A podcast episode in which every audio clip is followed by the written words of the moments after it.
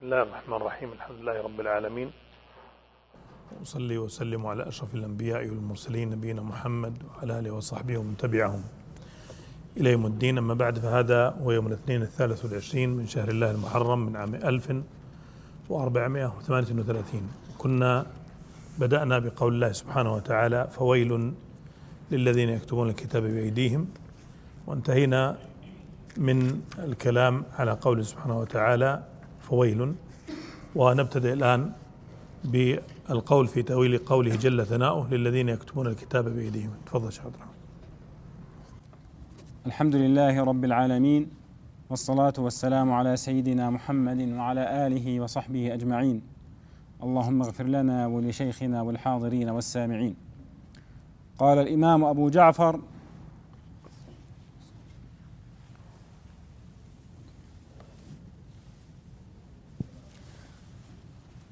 قال الإمام أبو جعفر القول في تأويل قوله جل ثناؤه للذين يكتبون الكتاب بأيديهم ثم يقولون هذا من عند الله ليشتروا به ثمنا قليلا. يعني بذلك جل ثناؤه الذين حرفوا كتاب الله من يهود بني إسرائيل وكتبوا كتابا على ما تأولوه من تأويلاتهم مخالفا لما أنزله الله عز وجل على نبيه موسى عليه السلام. ثم باعوه من ثم باعوه من قوم لا علم لهم بها ولا بما في التوراة. جهال بما في كتب الله. طلب عرض من الدنيا خسيس فقال الله تعالى ذكره لهم فويل لهم مما كتبت أيديهم وويل لهم مما يكسبون.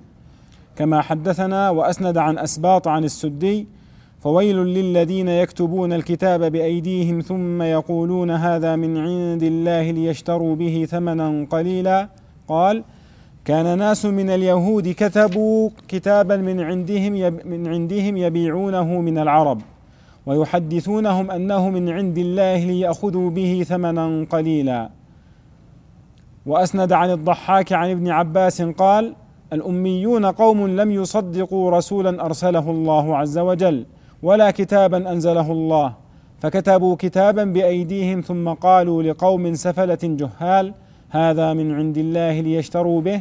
قال ليبتاعوا به.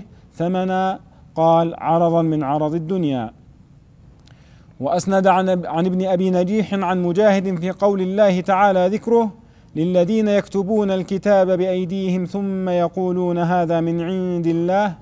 قال هؤلاء الذين عرفوا أنه من عند الله يحرفونه. وأسند عن مجاهد مثله إلا أنه قال ثم يحرفونه.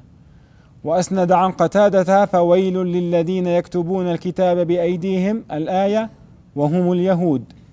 وأسند عن معمر عن قتادة في قوله فويل للذين يكتبون الكتاب بأيديهم ثم يقولون هذا من عند الله قال كان ناس من بني إسرائيل كتبوا كتابا بأيديهم ليتأكلوا الناس.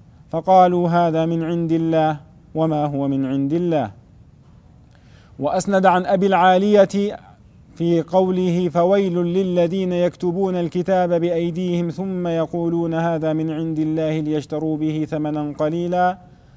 قال عمدوا إلى ما أنزل الله تعالى ذكره في كتابهم من نعت محمد صلى الله عليه وسلم. فحرفوه عن مواضعه. يبتغون بذلك عرضا من عرض الدنيا. فقال الله فويل لهم مما كتبت أيديهم وويل لهم مما يكسبون. وأسند عن عثمان بن عفان رضي الله عنه عن رسول الله صلى الله عليه وسلم فويل, للذ فويل لهم مما كتبت أيديهم وويل لهم مما يكسبون. قال الويل جبل في النار. وهو الذي أنزل في اليهود لأنهم حرفوا التوراة زادوا فيها ما يحبون ومحوا منها ما يكرهون ومحوا اسم محمد صلى الله عليه وسلم من التوراة. فلذلك غضب الله جل ثناؤه عليهم فرفع بعض التوراة فقال فويل لهم مما كتبت أيديهم وويل لهم مما يكسبون. وأسند عن عطاء بن يسار عطاء بن يسار يسار قال ويل واد في جهنم لو سيرت فيه الجبال لماعت من شدة حره فإن قال لنا قائل فما وجه قوله للذين يكتبون الكتاب بأيديهم؟ وهل يكتبون بغير اليد حتى حتى احتاج المخاطبون بهذه المخاطبة إلى أن يخبروا عن هؤلاء القوم الذين قص الله تعالى ذكره قصتهم؟ أنهم كانوا يكتبون الكتاب بأيديهم. قيل له إن الكتاب من بني آدم وإن كان من بني آدم وإن كان منهم باليد فإنه قد يضاف الكتاب إلى غير كاتبه وغير المتولي رسم خطه. فيقال كتب فلان إلى فلان بكذا وإن كان المتولي كتابته غير المضاف إليه الكتاب. غير المضاف إليه الكتاب.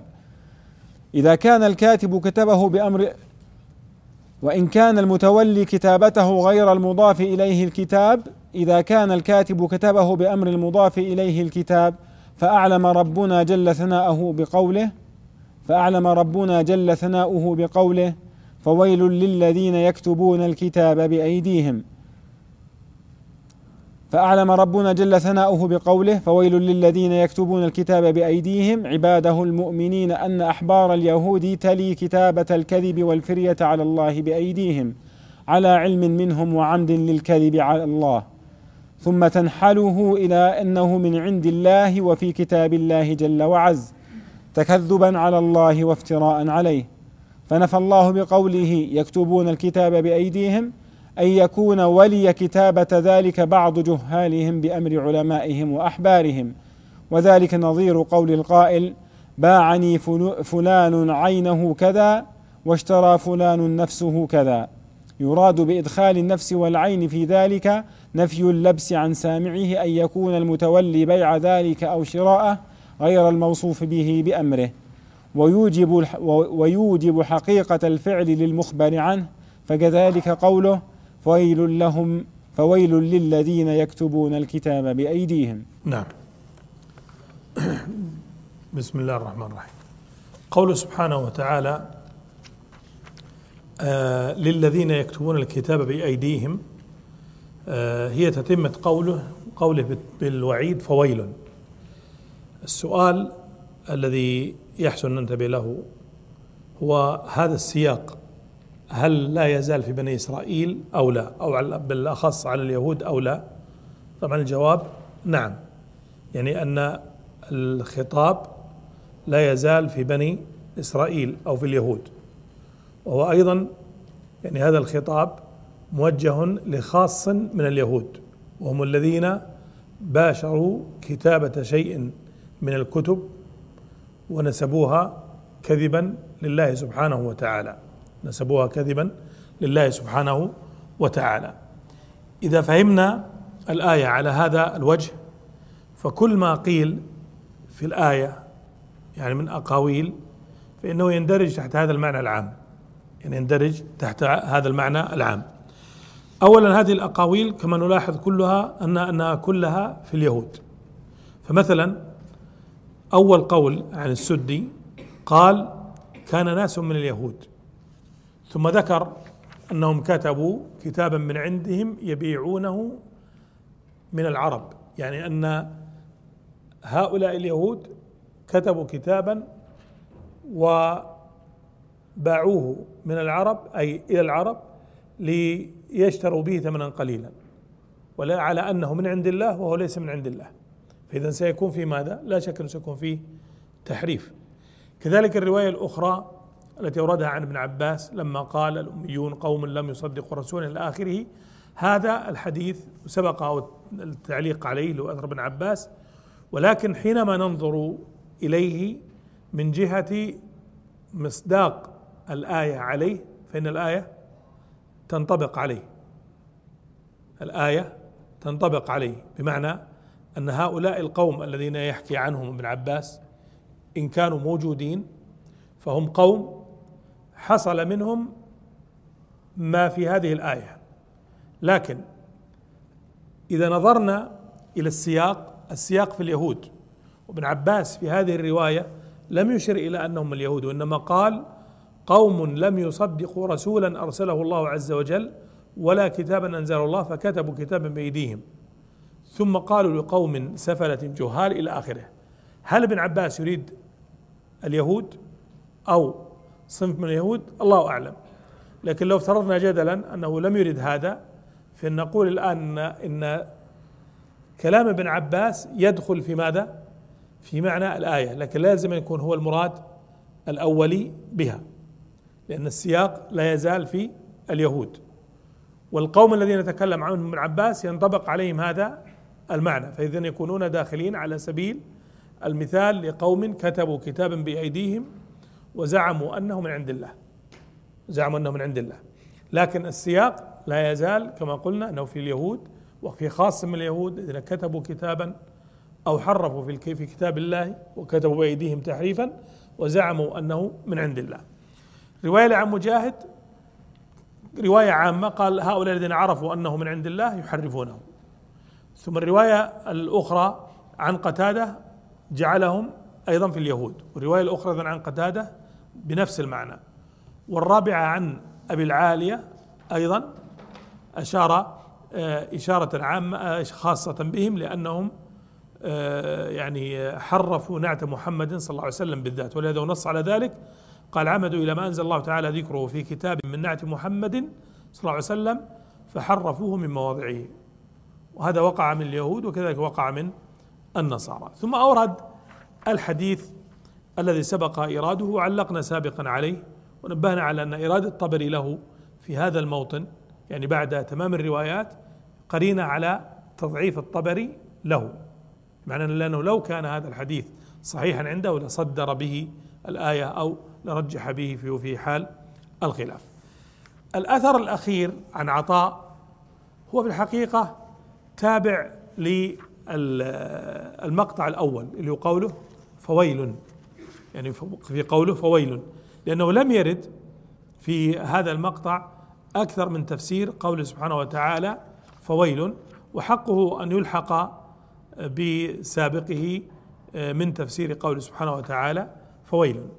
إذا ملخص الآن يعني ملخص هذه الآثار أن عندنا جمهور هؤلاء يرون أنها نزلت في يهود ثم بعضهم حدد ما هو الشيء الذي وقع فيه ماذا؟ التحريف أو الكتابة باليد. ورواية عن ابن عباس أنه جعلها في قوم ولم يشر إلى قوم. وكما قلنا احتمال أن يكون أراد يهود واحتمال أن يكون أراد غيرهم. فإن كان أراد غيرهم فهم يصدق عليهم معنى الآية. وإن كانت الآية نازلة في سياق اليهود. إذا كان المراد بيكتبون الكتاب بأيديهم يعني مطلق الكتاب مثل ما ذكر عباس إنه كتاب كامل يكتبونه ويزعمونه من عند الله فهذا هذا محتمل. وإن كان المراد تحريف بعض الكتاب معنى أنهم يكتبون الكتاب بأيديهم ثم يحرفون من مواضع كما أخبر الله سبحانه وتعالى في غير هذه الآية فهذا هو ما وقع من يهود. ولهذا نجد نجد أن البشارة بمحمد صلى الله عليه وسلم التي أشار إليها أبو العالية صريحة جدا في كتب آه، اليهود والنصارى.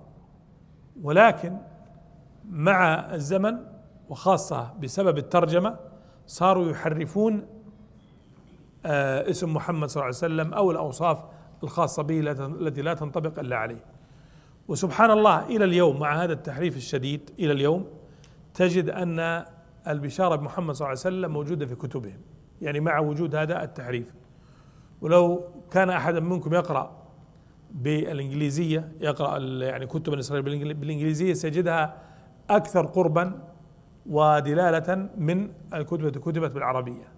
فعلى سبيل المثال في المزمور آه، الرابع والثمانين إن لم أكن واهما من مزامير داود المنسوب لداود عليه السلام المزمور الرابع والثمانين يتكلم عن رحلة الحج.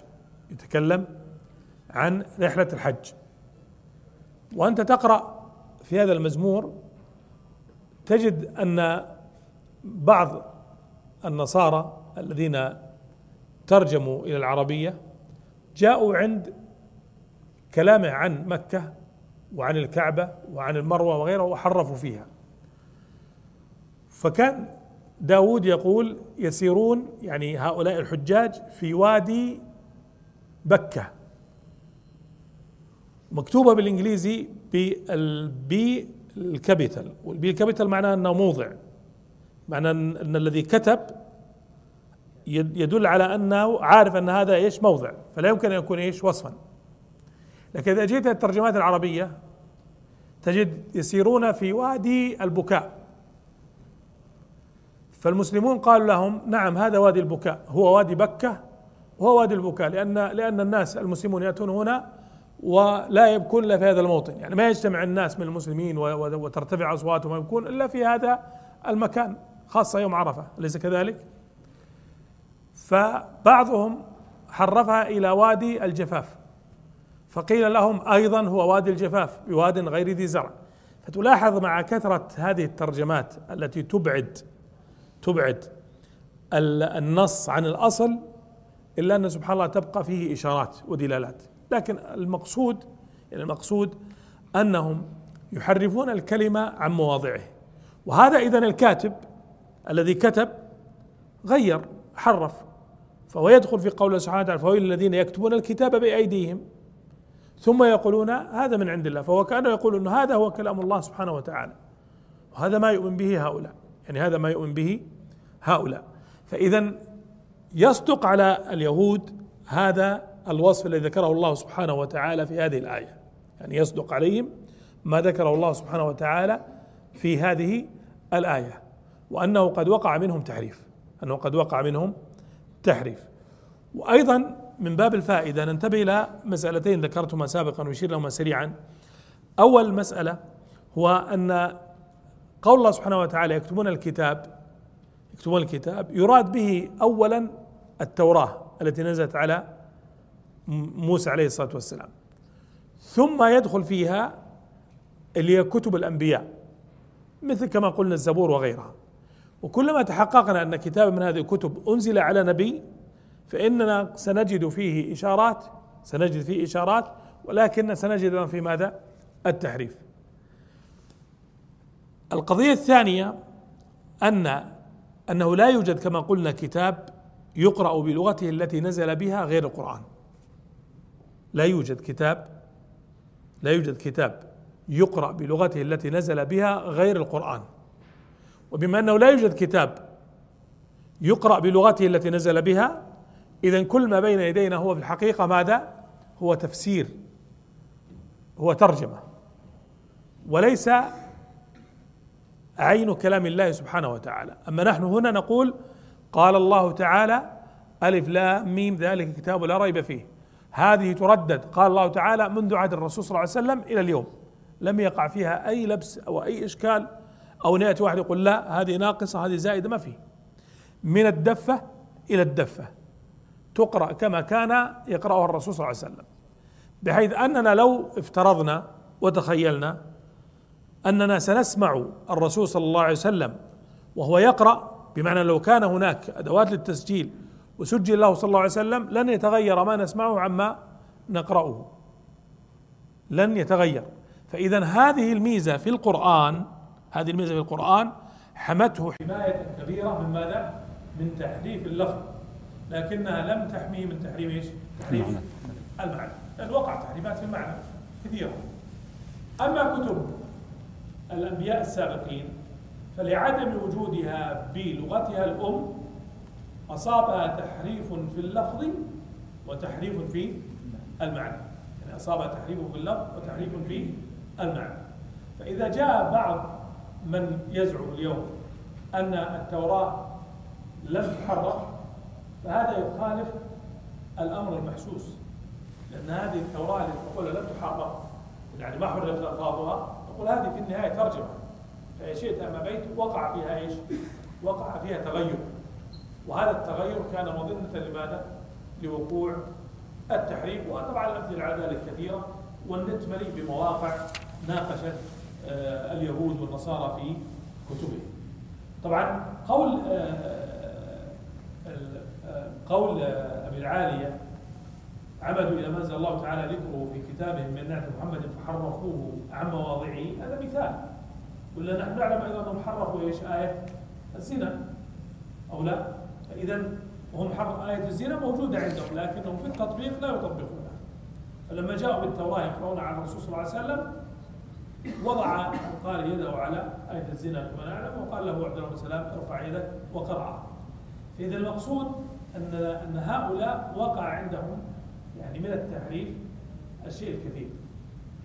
ثم جاء بعد ذلك يعني ما يسمى بالتلمود وهو شرح يعني كتبهم أو للتوراة بالذات فهذا أضاف تحريفا إلى ماذا؟ إلى تحريف وصار التلمود مظنة لماذا؟ لزيادة الانحراف عند اليهود ولهذا التلمود لا يطلع عليه إلا من؟ إلا علماؤهم هذا هو الأصل فيه وإن كان طبعا فيما بعد يعني آه، نشر أحد يعني التلمودات وهو التلمود البابلي نشر في عشرين جزءا وطبع بالعربية طبعا ترجم وطبع لكن في غيره من آه، يعني أنواع التلمود أو التلمود آخر. يعني لم ينشر لا أعرف أنه نشر بالعربية وكان نشر منه أجزاء قليلة جدا. لكن هذا هو من عمل ما يمكن يقال عنه الشراح للتوراة. فهذا يقع فيه الشيء الكثير وهم أيضا ينسبون أحكامه لله سبحانه وتعالى. نعم. شيخنا هنا الآثار يعني كانها آه، أشارت إلى أمرين لكن لم تميز بينهما. بعضها قال يعني أشارت إلى أن التحريف وقع في التوراة نفسها. فهنا يعني كأنه الكتاب للعهد. وبعضها أشار أنه كتبوا كتابا. يعني كتابا غير التوراة فلم تكون للجنس فقالوا هو من عند الله. فهل نقول أنه وقع منهم هذا وهذا أم ماذا؟ احتمل. قلنا في الدرس السابق انه احتمال يكون وقع منهم هذا وهذا. يعني وقع منهم كتاب كتبوه غير هذا الكتاب لما نتكلم عن الأميين ويحتمل أن يكون إيش؟ أنه وقع تحريف في التوراة، أما الوقوع التحريف في التوراة فهذا واقع. هل يريد من قالوا إنه كتبوا كتابا التلمود؟ هذا محتمل وإن لم ينصوا عليه. نعم. أي نعم.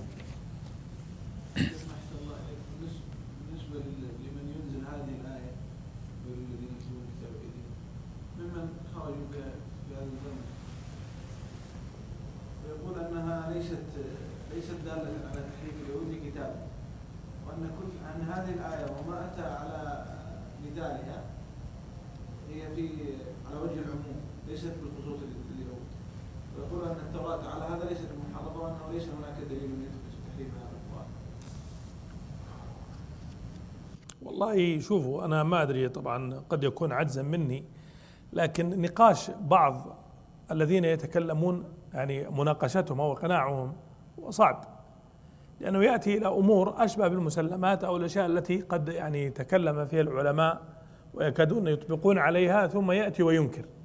هذا لا أنا عني لا أعرف كيف تقنع مثل هذه العقليات. يعني لا أعرف كيف تقنع. أعرف أنه ابن عباس ورد عنه رواية ما, ما ينكر هذا لكن ابن عباس ورد عنه أيضا رواية أخرى في في تحريف اللفظ. ثم كما قلت لك لماذا أنا نصصت على أنه هناك ترجمة؟ هذه أصلا أصلا الترجمة هي مبدأ التحريف والانحراف. أنا أقول له هات لي نص باللغة الأم اللي تكلم بها ذلك النبي وأكون معك. ما يوجد. يعني أنتم الآن تصوروا قلت لكم سابقا تصوروا لو قلنا لواحد ترجم لنا آه، تبت يد ابي لهب وتب إلى الإنجليزية. وقلنا الآخر ترجم إلى الإنجليزية. يعني اثنين يترجمون تبت يد ابي لهب وتب إلى الإنجليزية. يقينا لن يتفقا في الترجمة ولا لا؟ من جهة الألفاظ عددا ويعني لا كما ولا كيفا. ولا لا؟ هذه واحدة. طيب هؤلاء الذين ترجمهم ترجع الآن هل في واحد من المسلمين يقول أن ما من يقرأ المترجم بالإنجليزي هذا قرأ قرآن؟ ما يمكن. هذا ترجمة. فإذا الحقيقة أن ما نقرأه اليوم هو ترجمات لهذه الكتب. فلماذا هو يغفل عن هذه الحيثية الكبيرة جدا جدا التي أصلا تهدم فكرة أنه لم يقع تحريف في اللفظ؟ هذه واحدة. الشيء الثاني إذا كان شاطرا يعني شاطرا فيما يقول فالقرآن نص على أنه قد كتب اسم محمد صلى الله عليه وسلم في الأناجيل. يأتي لنا بهذا الاسم الصريح اللي وقف عيسى عليه الصلاة والسلام وقف بين الحواريين وبشر برسول يأتي من بعده اسمه أحمد. يعني ما في مجال لإيش؟ ما في مجال للتوصيف وكذا. قال اسمه أحمد. يعني أنا لما كان يقول لك شوف بيزور بيزورني رجل اسمه جورج. خلاص. يعني ما في ما في مجال لإيش؟ لتغيير هذا الاسم. أين اسم أحمد؟ الصريح في الأناجيل الموجودة بين يدينا؟ إذا ما كانوا حرف هؤلاء وهؤلاء. أو كذلك في كتب بني إسرائيل. إذا كان صلى الله عليه وسلم أنه ذكر أنه كل نبي بشر به. كل نبي بشر به. الذين درسوا هذه الكتب وعرفوا آه، اللغات القديمة وعرفوا هذه بدأوا يبرزون أين ذكر محمد صلى الله عليه وسلم وكيف وقع التحريف. ومنهم عبد الأوحد ديفد يعني عبد داود. وهذا نصراني كلداني من العراق. يعني بلغ رتبة في النصرانية ثم هداه الله سبحانه وتعالى الإسلام وكتب كتاب من أجمل الكتب محمد صلى الله عليه وسلم في التوراة والإنجيل. آه، بعد بيكون آه، عشان يكون دعاية لمكتبة. مكتبة يعني طبعته. المهم كتاب موجود يعني ليس بعيدا حتى لو كتبه في, في, في, في النت موجود. المقصود هذا الكتاب هذا الرجل لأنه كان آه، نصرانيا وكان مطلعا على الكتابات القديمة وهداه الله سبحانه وتعالى ذكر مواطن لذكر محمد صلى الله عليه وسلم في كتب بني إسرائيل وفي الأناجيل. ذكرها وبين كيف وقع التحريف فيها. حتى إنه هو أشار ومنه استفدت أن اليهود يعتمدون أو عمدوا في بعض المواطن إلى ألفاظ بحساب الجمل تساوي اسم محمد صلى الله عليه وسلم بحيث أنك لو نزعت هذا اللفظ ووضعت بدله محمد لانطبق الكلام وصار هو المقصود. وهذا من تعمية يهود لاسمه صلى الله عليه وسلم ولا يعرفه إلا الخاصة منهم. لا يعرف إلا الخاصة منهم. فهذه أحد أساليب التحريف.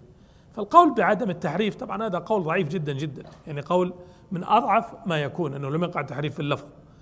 كيف لم يقع تحريف في اللفظ والموجود عندنا ليس هو عين الذي تكلم به النبي. لا يمكن. لا يمكن اطلاقا. بمعنى اذا من أو أو من الأسباب التي دعت إلى التحريف هو عدم وجود الكتاب الأصل وأن كل ما بين يدينا إنما هو إيش؟ ترجمات. يعني إنما هو ترجمات منذ القدم. يعني كل موجود عندنا ترجمات.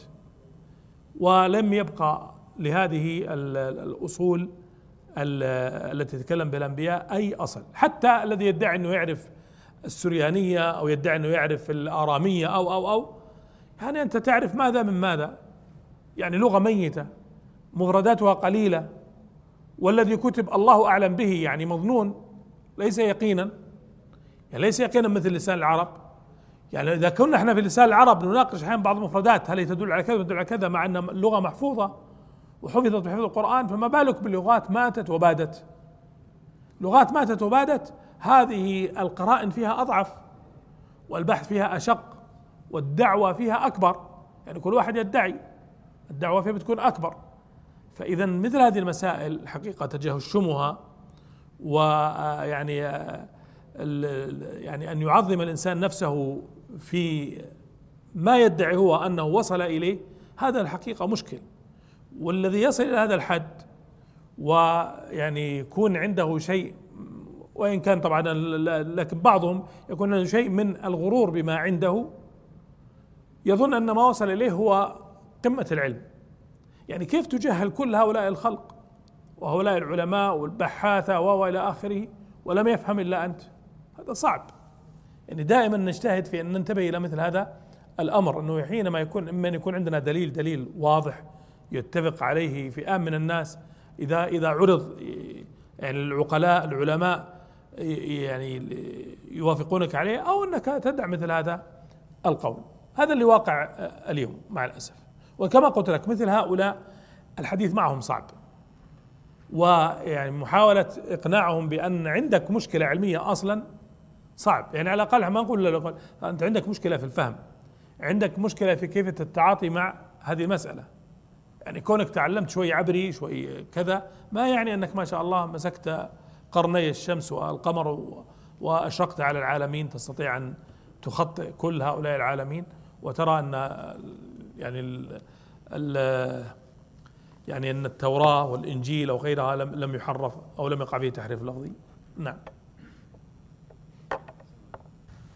القول في تأويل قوله جل ثناؤه فويل لهم مما كتبت أيديهم وويل لهم مما يكسبون.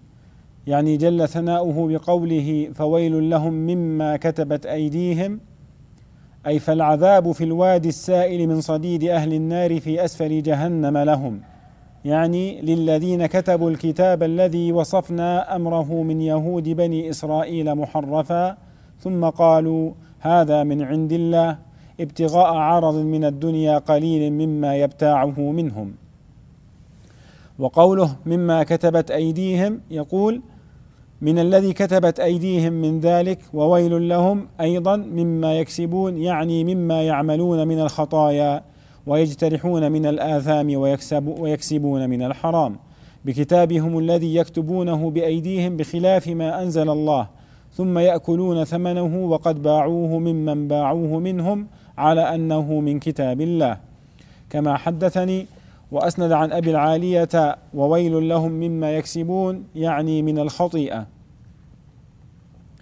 وأسند عن الضحاك عن ابن عباس فويل لهم يقول فالعذاب عليهم قال يقول من الذين كتبوا بأيديهم من ذلك الكذب وويل لهم مما يكسبون يقول مما يأكلون به الناس مما يأكلون به الناس السفيله وغيرهم. وأصل الكسب العمل فكل عامل عملا بمباشرة منه لما عمل ومعاناة باحتراف فهو كاسب لما عمل. كما قال لبيد بن ربيعة لمعفر قهد تنازع شلوه غبس كواسب لا يمن طعامها. نعم. طبعا لا نحتاج فقط أن ننبه فقط على تكرار في قوله فويل للذين يكتبون بدأ بها ثم قال فويل لهم مما كتبت وويل لهم. وتكرار الويل تكرار الويل على أي محمل من المحامل التي وقع التفسير فيها هو لا شك أنه من باب التفظيع والتشنيع لهذا الفعل. يعني كأنه من المحرمات الكبيرة. لأنك تصور أنت الآن أن واحد يكتب كتاب أو يحرف كتاب من كتب الله ويقول هذا من عند الله. يقول هذا من عند الله. فيزعم ذلك الزعم. طبعا لاحظوا أن قول الله سبحانه وتعالى فويل الذين يكتبون الكتاب بأيديهم كما قلنا أن السياق في اليهود. لكن لا يعني أن هذا المعنى لا ينطبق على غيرهم بل هو ينطبق على غيرهم. لماذا؟ لأن من فعل مثل فعلهم دخل في الوعيد الذي توعد فيه هؤلاء. ولهذا ما يقع من بعض الرافضة من نسبهم لشرع الله سبحانه وتعالى ما لم ينزل به سلطانا. أو بعض آه، يعني الصوفية الذين يكتبون لأتباعهم شيئا يدعون أنه الدين فهذا كله مما لم يذن به الله ويدخل في معنى هذه الآية. لأنهم يكتبون كتابا وينسبونها إيش؟ لله سبحانه وتعالى. يعني ينسبونها لله سبحانه وتعالى ويدعونها من شرع الله سبحانه وتعالى. فهؤلاء لا شك أنه يلحقهم من الإثم مثل ما يلحق اليهود فيكون فيهم شبه باليهود في هذه الجهة. نعم شيخ عبد الرحمن.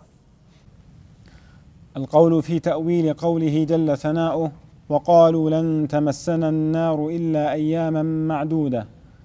يعني بقوله جل ثناؤه وقالوا اليهود يقول وقالت اليهود لن تمسنا النار. يعني لن تلاقي أجسامنا النار ولن ندخلها إلا أياما معدودة. وإنما قيل معدودة وإن لم يكن مبينا عددها في التنزيل لأن الله جل ثناؤه أخبر عنهم بذلك وهم عارفون عدد الأيام التي يوقتونها لمكثهم في النار. فلذلك ترك ذكر تسمية عدد الأيام وسماها معدودة لما وصفنا. ثم اختلف أهل التأويل في مبلغ الأيام المعدودة التي عنت التي عنتها اليهود القائلون ما أخبر الله عنهم من ذلك. فقال بعضهم بما حدثنا وأسند عن الضحاك عن ابن عباس وقالوا لن تمسنا النار إلا أياما معدودة. قالوا هي أربعون يوما لأمر عذبوا فيه ثم لا يصيبنا بعدها عذاب. وأسند عن قتادة وقالوا لن تمسنا النار إلا أياما معدودة. قال ذلك أعداء الله اليهود. قالوا لن يدخلنا, لن يدخلنا الله النار إلا تحلة القسم. الأيام التي أصبنا فيها العجل أربعين ليلة. فإذا تقضت عنا تلك الأيام انقطع عنا العذاب والقسم. وأسند عن قتادة في قوله لن تمسنا النار إلا أياما معدودة. قالوا أياما معدودة. ما أصبنا في العجل. وأسند عن أسباط السدي وقالوا لن تمسنا النار إلا أياما معدودة. قال قالت اليهود إن الله يدخلنا النار فنمكث فيها أربعين ليلة حتى إذا أكلت النار خطايانا واستنقينا. نادى مناد أخرجوا كل مختون من ولد إسرائيل فلذلك أمرنا أن نختتن. قالوا فلا يدعون في فلا يدعون في النار منا أحدا إلا أخرجوه. وأسند عن أبي العالية قال قالت اليهود إن ربنا عتب علينا في أمر فأقسم ليعذبننا أربعين ليلة ثم يخرجنا. فأكذبهم الله جل ثناؤه.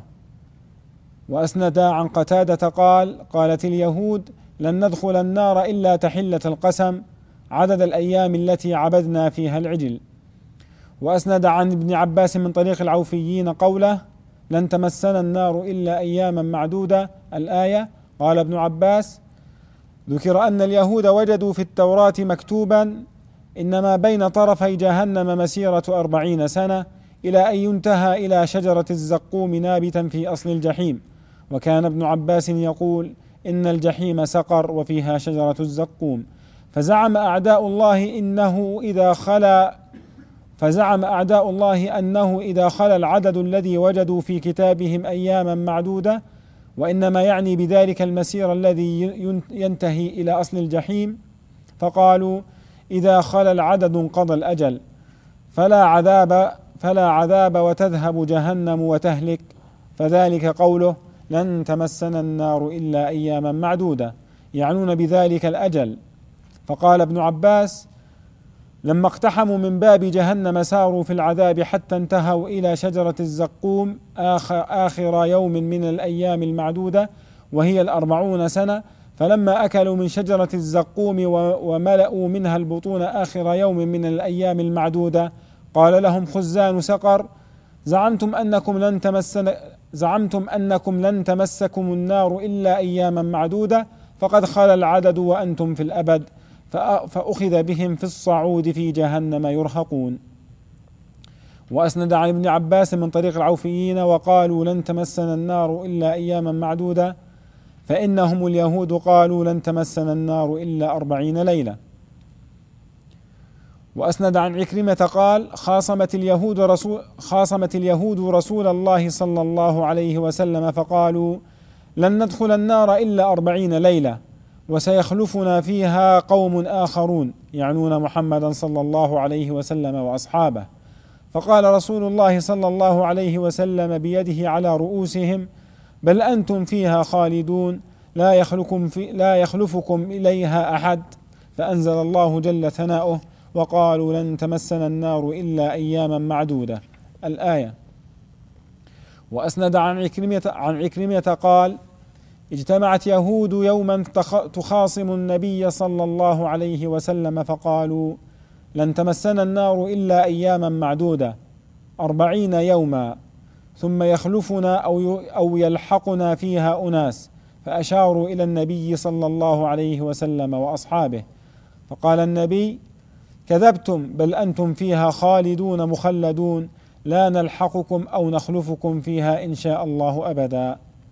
وأسند عن الضحاك في قوله لن تمسنا النار إلا أياما معدودة قال معدودة معدودة قال قالت اليهود لا نعذب في النار يوم القيامة إلا أربعين يوما مقدار ما عبدنا العجل. وأسند عن ابن زيد حدثني أبي أن رسول الله صلى الله عليه وسلم قال لهم أنشدكم بالله وبالتوراة التي أنزلها الله على موسى يوم طور سيناء. من أهل النار الذين أنزلهم الله في التوراة؟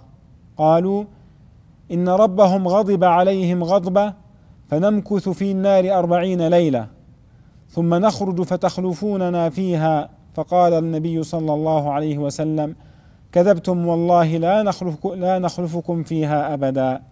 فنزل القرآن تصديقا لقول النبي صلى الله عليه وسلم وتكذيبا لهم وقالوا لن تمسنا النار إلا اياما معدودة قل أتخذتم عند الله عهدا إلى قوله هم فيها خالدون.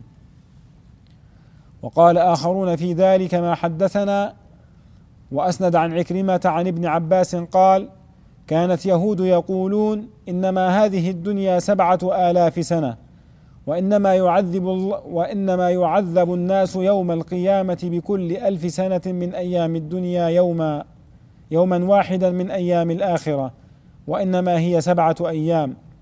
فأنزل الله في ذلك من قولهم وقالوا لن تمسنا النار إلا أياما معدودة.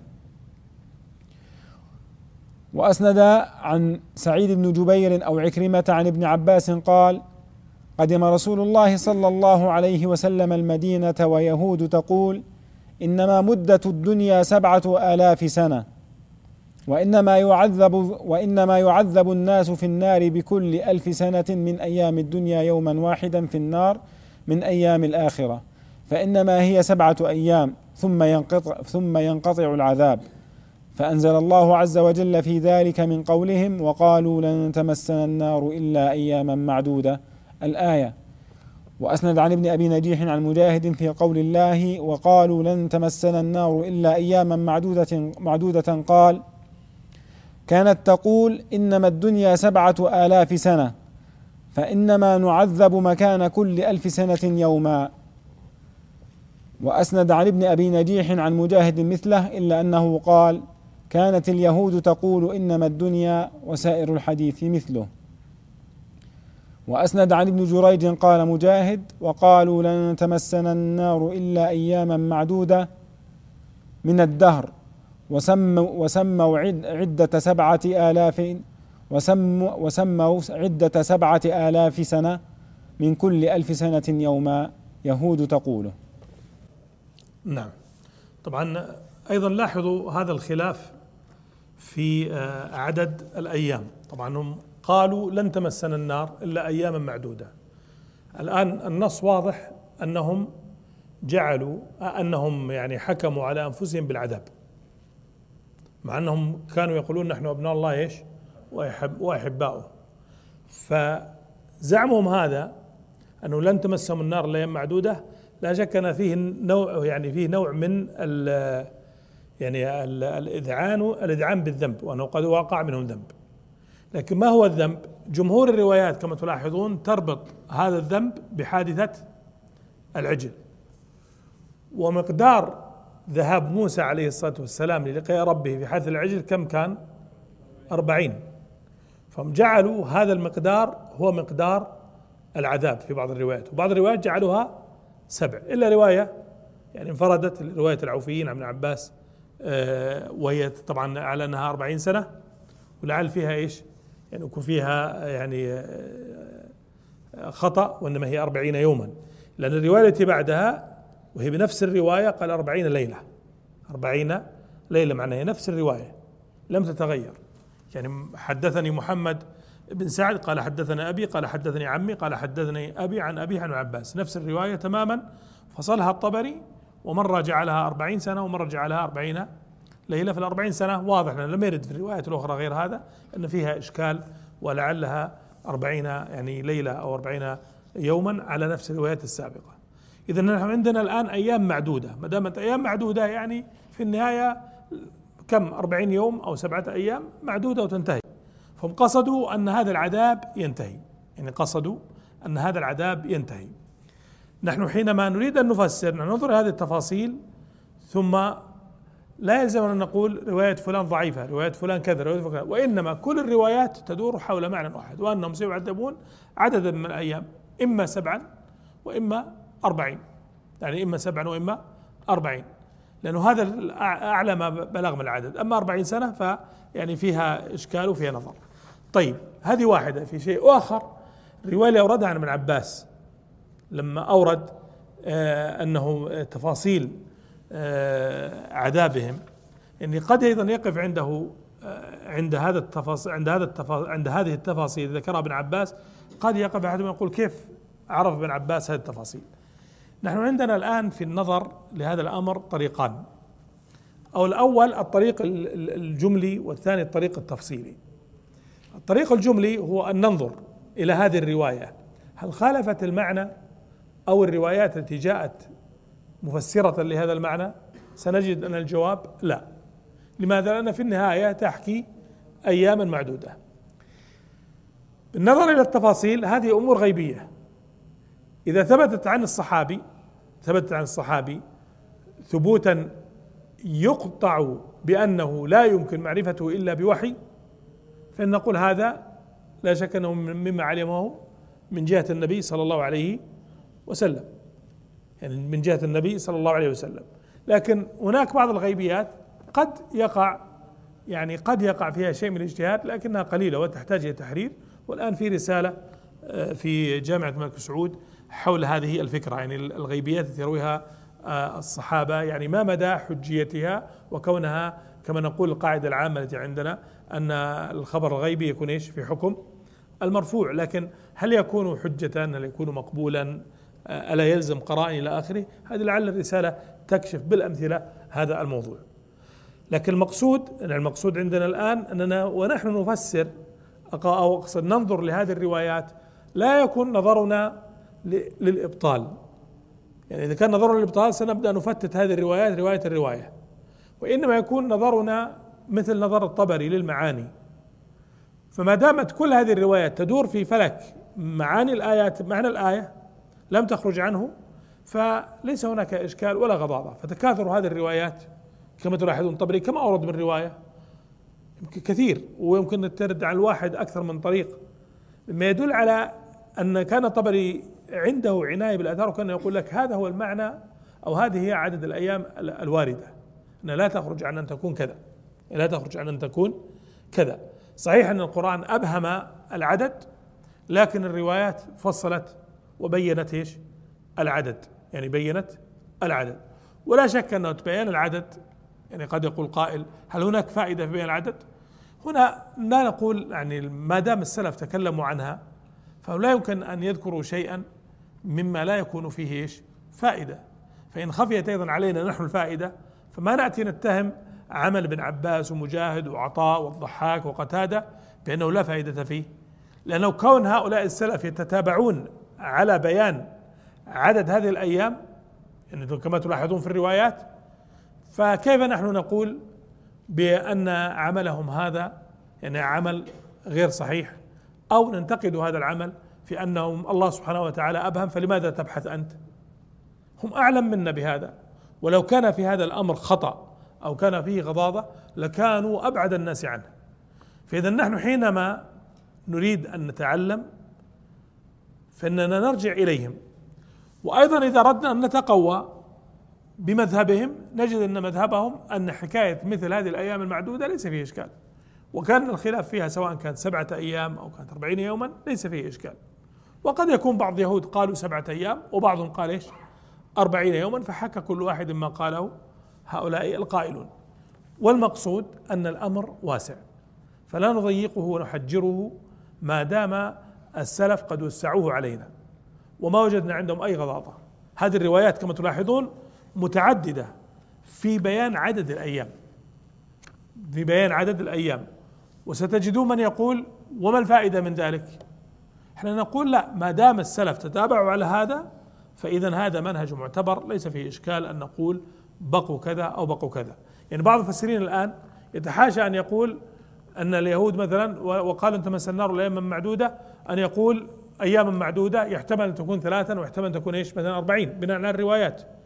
يقول وقد وصفها الله بأنها أيام معدودة وكفى بما ذكر الله سبحانه من هذا الوصف كذا كذا كذا. هذا كلام صحيح ليس عليه غبار. لكن هل أنت تنتقد ما ورد عن هؤلاء؟ وما يضرك لو قلت أن قالوا سبعة أيام وبعضهم قال أربعين إيش؟ يوما. لا يضير لأن في النهاية أيام إيش؟ معدودة. فاذا الروايات التي وردت لا تخالف منطوق الآية بل أنها تحدد أو تدل بالفعل على أنها أيام معدودة تعد وتنتهي وليست أياما كثيرة وطويلة. هذا باختصار ما يتعلق بهذا المقطع. نعم. القول في تأويل قوله جل ثناؤه قل أتخذتم عند الله عهدا فلن يخلف الله عهده أم تقولون على الله ما لا تعلمون؟ ولما قالت اليهود ما قالت من قولها لن تمسنا النار إلا أياما معدودة على ما قد بينا من تأويل ذلك قال الله جل ثناؤه لنبيه محمد صلى الله عليه وسلم قل يا محمد لمعشر اليهود اتخذتم عند الله عهدا بما تقولون من أن النار لن تمسنا إلا أياما معدودة فلن يخلف الله عهده ويعني بقوله أتخذتم عند الله عهدا أخذتم بما تقولون من ذلك من الله ميثاقا فالله لا ينقض ميثاقه ولا يبدل وعده وعقده. أم تقولون على الله الباطل جهلا وجرأة عليه؟ كما حدثني وأسند عن ابن أبي نجيح عن ابن أبي نجيح عن مجاهد قل أتخذتم عند الله عهدا أي موثقا من الله بذلك أنه كما تقولون. وأسند عن قتادة قال قالت اليهود لن ندخل النار إلا تحلة القسم عدد الأيام التي عبدنا فيها العجل. فقال الله يرحمكم فقال الله أتخذتم عند الله عهدا بهذا الذي تقولون ألكم بهذا حجة وبرهان؟ فلن يخلف الله عهده فهاتوا حجتكم وبرهانكم أم تقولون على الله ما لا تعلمون؟ وأسند عن الضحاك عن الضحاك عن ابن عباس قال لما قالت اليهود ما قالت قال الله جل ثناؤه لمحمد صلى الله عليه وسلم قل أتخذتم؟ يقول أدخرتم عند الله عهدا؟ يقول أقلتم لا إله إلا الله لم تشركوا ولم تكفروا به فإن كنتم قلتموها فارجوا بها وإن, وإن كنتم لم تقولوها فلم تقولون على الله ما لا تعلمون؟ يقول لو كنتم قلتم لا إله إلا الله ولم تشركوا به شيئا ثم متم على ذلك لكان ذخرا عندي. ولم أخلف ولم أخلف وعدي لكم أني أجازيكم بها. وأسند عن وأسند عن أسباط عن السدي قال لما قالت اليهود ما قالت قال الله عز وجل قل أتخذتم عند الله عهدا فلن يخلف الله فلن يخلف الله عهده. وقال في مكان آخر وغرهم في دينهم ما كانوا يفترون. ثم أخبر الخبر فقال بلى من كسب سيئة. وهذه الأقوال وهذه الأقوال التي رويناها عن ابن عباس ومجاهد وقتادة بنحو معنى ما قلنا في تأويل قوله قل أتخذتم عند الله عهدا لأن مما أعطى الله عباده من ميثاقه أن من آمن به وأطاع أمره نجاه من ناره يوم القيامة. ومن الإيمان به الإقرار بأن, بأن لا إله إلا الله. وكذلك من ميثاقه الذي واثقهم به أن من أتاه يوم القيامة بحجة تكون له نجاة من الله أن ينجيه منها. أن تكون له نجاة من النار أن ينجيه منها. أحسن الله إليكم. فكل ذلك وإن اختلفت ألفاظ قائليه فمتفق المعاني على ما قلنا فيه. طبعا قوله سبحانه وتعالى قل أتخذتم عند الله عهدا. هذا ال ال أو هذه ال أو هذا النوع من الحوار أو المخاطبة. إنهم قالوا لن تمسنا النار. الله سبحانه وتعالى قال قل أتخذتم عند الله عهدا يعني هذا نوع من التنزل مع هؤلاء. في كون الله سبحانه وتعالى يقول يعني هب أن ما قلتموه صحيح. هل عندكم على صحته برهان؟ هل هل بينكم وبين الله سبحانه وتعالى كتاب أنه لن تمسكم النار إلا أيام معدودة؟ فلاحظ إبطال قولهم بهذه الطريقة. يعني بهذه الطريقة. فكأكذبهم الله سبحانه وتعالى لما قال لهم أتخذتم عند الله عهدا وليس عندهم إيش؟ عهد. وليس مكتوبا عندهم أنه سيكون لهم كذا وكذا. فاذا الله سبحانه وتعالى أبطل ما قالوا بهذا. قل أتخذتم عند الله عهدا. فلن يخلف الله عهده. طبعا تفسيرات السلف كما لاحظتم فيه ما جاء منها على سبيل العموم. يعني اتخذتم عهدا مطلق العهد. وكان المراد العهد ألا تعذبوا العهد ألا تعذبوا لكن في رواية جاءت أن المراد بالعهد هو قول لا إله إلا الله يعني هل قلتم لا إله إلا الله ولم تشركوا به شيئا إلى آخره. طبعا لاحظ ذكر التوحيد في هذا الموطن كأنه إشارة إلى أنهم لم يحققوه لأنهم لو حققوه لكان هذا هو العهد الذي عاهد الله عباده عليه. وهذه الآية بهذا التفسير هي من دلائل عظمة ماذا؟ عظمه توحيد الله سبحانه وتعالى. لأن الله سبحانه وتعالى كما أخبر الرسول صلى الله عليه وسلم لا يبقي في النار من في قلبه إيش؟ مثقال ذرة من إيمان. وهذا من كرم الله سبحانه وتعالى ومن عظم التوحيد. يعني حتى أنه يبلغ ببعض الناس ان أن شهادة أن لا إله إلا الله وأن محمد رسول الله صلى الله عليه وسلم تكفيه. يعني تبلغ بعض الناس أن هذه الشهادة تكفي لكن طبعا هذه لها أحوال. لكن المقصود المقصود أن هذا الذي ذكره آه، ابن عباس من طريق الضحاك هو مثال لأكبر عهد بين العبد وبين إيش؟ وبين ربه. يعني أكبر عهد بين العبد وبين ربه هو التوحيد. فذكره ابن عباس تنبيها على أهميته وعظمته. طيب الطبري لما عالج هذه الأقاويل حقيقة عالجها بأسلوب يعني يندر أن تجده عند المفسرين. يعني يندر أن تجده عند المفسرين. بل هو يعني ممكن نقول عنه قليلا جد قليل جدا عند المفسرين. لا تجده إلا عند بعضهم. الطبري رحمه الله تعالى لما أورد هذه الروايات قال وبنحو معنى ما قلنا في بنحو معنى ما قلنا في تأويل الآية. ماذا قالوا في تأويل الآية؟ في تأويل الآية رحمك الله في تأويل الآية بدأها بقوله إذا ممكن نرجع لبداية كلامه لما قال أخذتم بما تقولون من ذلك من الله ميثاقا فالله لا ينقض ميثاقه ولا يبدل وعده وعقده. أم تقولون على الله الباطل جهلا وجرأة عليه؟ يعني إذا هو تفسير إيش؟ تفسير عام لمعنى الآية. لكن ما في هذه التفاصيل التي ذكرها بعض السلف. وجعل هو تفاصيل كلام السلف هو مثل ما قاله هو. لأنه قال هذه الأقاويل رويناها أو رويناها عن فلان فلان بنحو معنى ما قلنا. يعني بنحو معنى ما قلنا. ثم بدأ يحلل لماذا بنحو معنى ما قلت؟ كيف دخلت في معنى ما قلت؟ فقال لأن مما أعطى الله عباده من ميثاقه أن من آمن به وأطاع أمره نجاه من النار يوم القيامة. وهذا نفس الكلام ذكره هو. يعني هل عندكم ميثاق؟ فالله لا ينقض ميثاقه. بما ان بما تقولون من النار لن تمسنا الا معدودة فلا يخلف الله عهده معكم. يعني الكلام العام ذكره هو هذا يدخل فيه. قال ومن الإيمان به والإقرار بان لا إله إلا الله القول الثاني لابن عباس. وكذلك من ميثاق الذي واثقهم به أن من أتاه يوم القيامة بحجة تكون له نجاة نجاة من النار أن ينجيه منها. يعني أي واحد عنده حجة يحتج. وهذا من تمام عدل الله سبحانه وتعالى. فإن جاء بحجة تنجيه من النار نجاه الله منها. قال بعد ذلك فكل ذلك عندنا ثلاثة أوجه يعني ثلاثة أقاويل اللي ذكرها الآن وأشار إليها. قال فكل ذلك وإن اختلفت ألفاظ قائليه فمتفقة المعاني على ما قلنا فيه. يعني إذا اختلفت إيش؟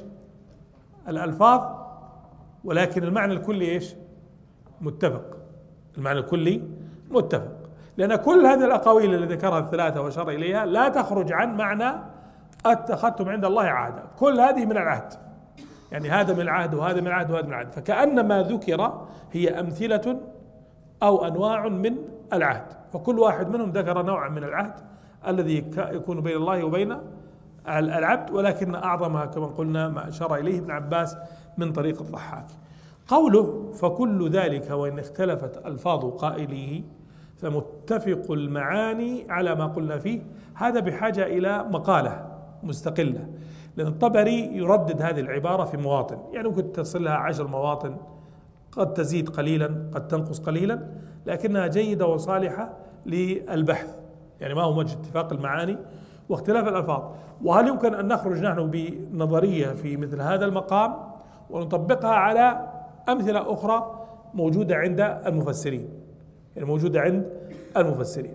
ولعلكم تذكرون شيخ الإسلام ابن تيمية لما تكلم عن أنواع الاختلاف وأشار إلى نوع من الاختلاف آه هو قريب من فكر من هذه الفكرة اللي هو قال آه النوع الأول آه لا إله إلا الله. أنا أنسيته الآن لكن النوع الأول ذكره شيخ الإسلام هو قريب من هذا الذي ذكره هو لأنه ما له علاقة الآن باللغة ما هو النوع الرابع اللي ذكره اللي هو التعبير عن المعنى بألفاظ متقاربة لا. ها؟ هنا أن يعبروا عن المعنى بألفاظ شو اسمه بألفاظ متقاربة. وذكر أن الترادف يعني قليل جدا وفي القرآن يكاد يكون معدوما أن يعبروا عن المعنى بألفاظ متقاربة. هو قريب من كلام الطبري هنا فكل ذلك وإن اختلفت ألفاظ قائليه فمتفق المعاني على ما قلنا فيه. وكذلك أشار إليه الشاطبي رحمه الله تعالى في المبحث الذي ذكره في الضرب من الاجتهاد الذي لا يكون الخلاف فيه يعني خلافا آه، حقيقيا. يعني ما يكون الخلاف فيه خلافا حقيقيا. أشار أيضا إلى هذا. المعنى. يعني هذا المعنى لو تتبعته عند العلماء ستجد فيه إشارات لهم. لو جمع كلام الطبري فيه بالذات ثم جمع غيرهم يعني من من أقاويل العلماء قد يخرج بحثا يفيد في تأصيل هذه الفكرة وتطبيقاتها في آه، التفسير. طبعا الآن المقطع القادم يعني فيه كلام آه، طويل فلعلنا نرجئه آه، إلى الأسبوع القادم ونتكلم عنه في كلام عن العموم والخصوص. فنتركه إن شاء الله لئلا يطول يعني المجلس والمجلس الآن قارب تقريبا الساعة. أسأل الله سبحانه وتعالى يبارك لنا وأن يجعلنا ممن يقرؤون كتابه فيفهمونه ويتدبرونه ويطبقون ما فيه إنه سميع مجيب.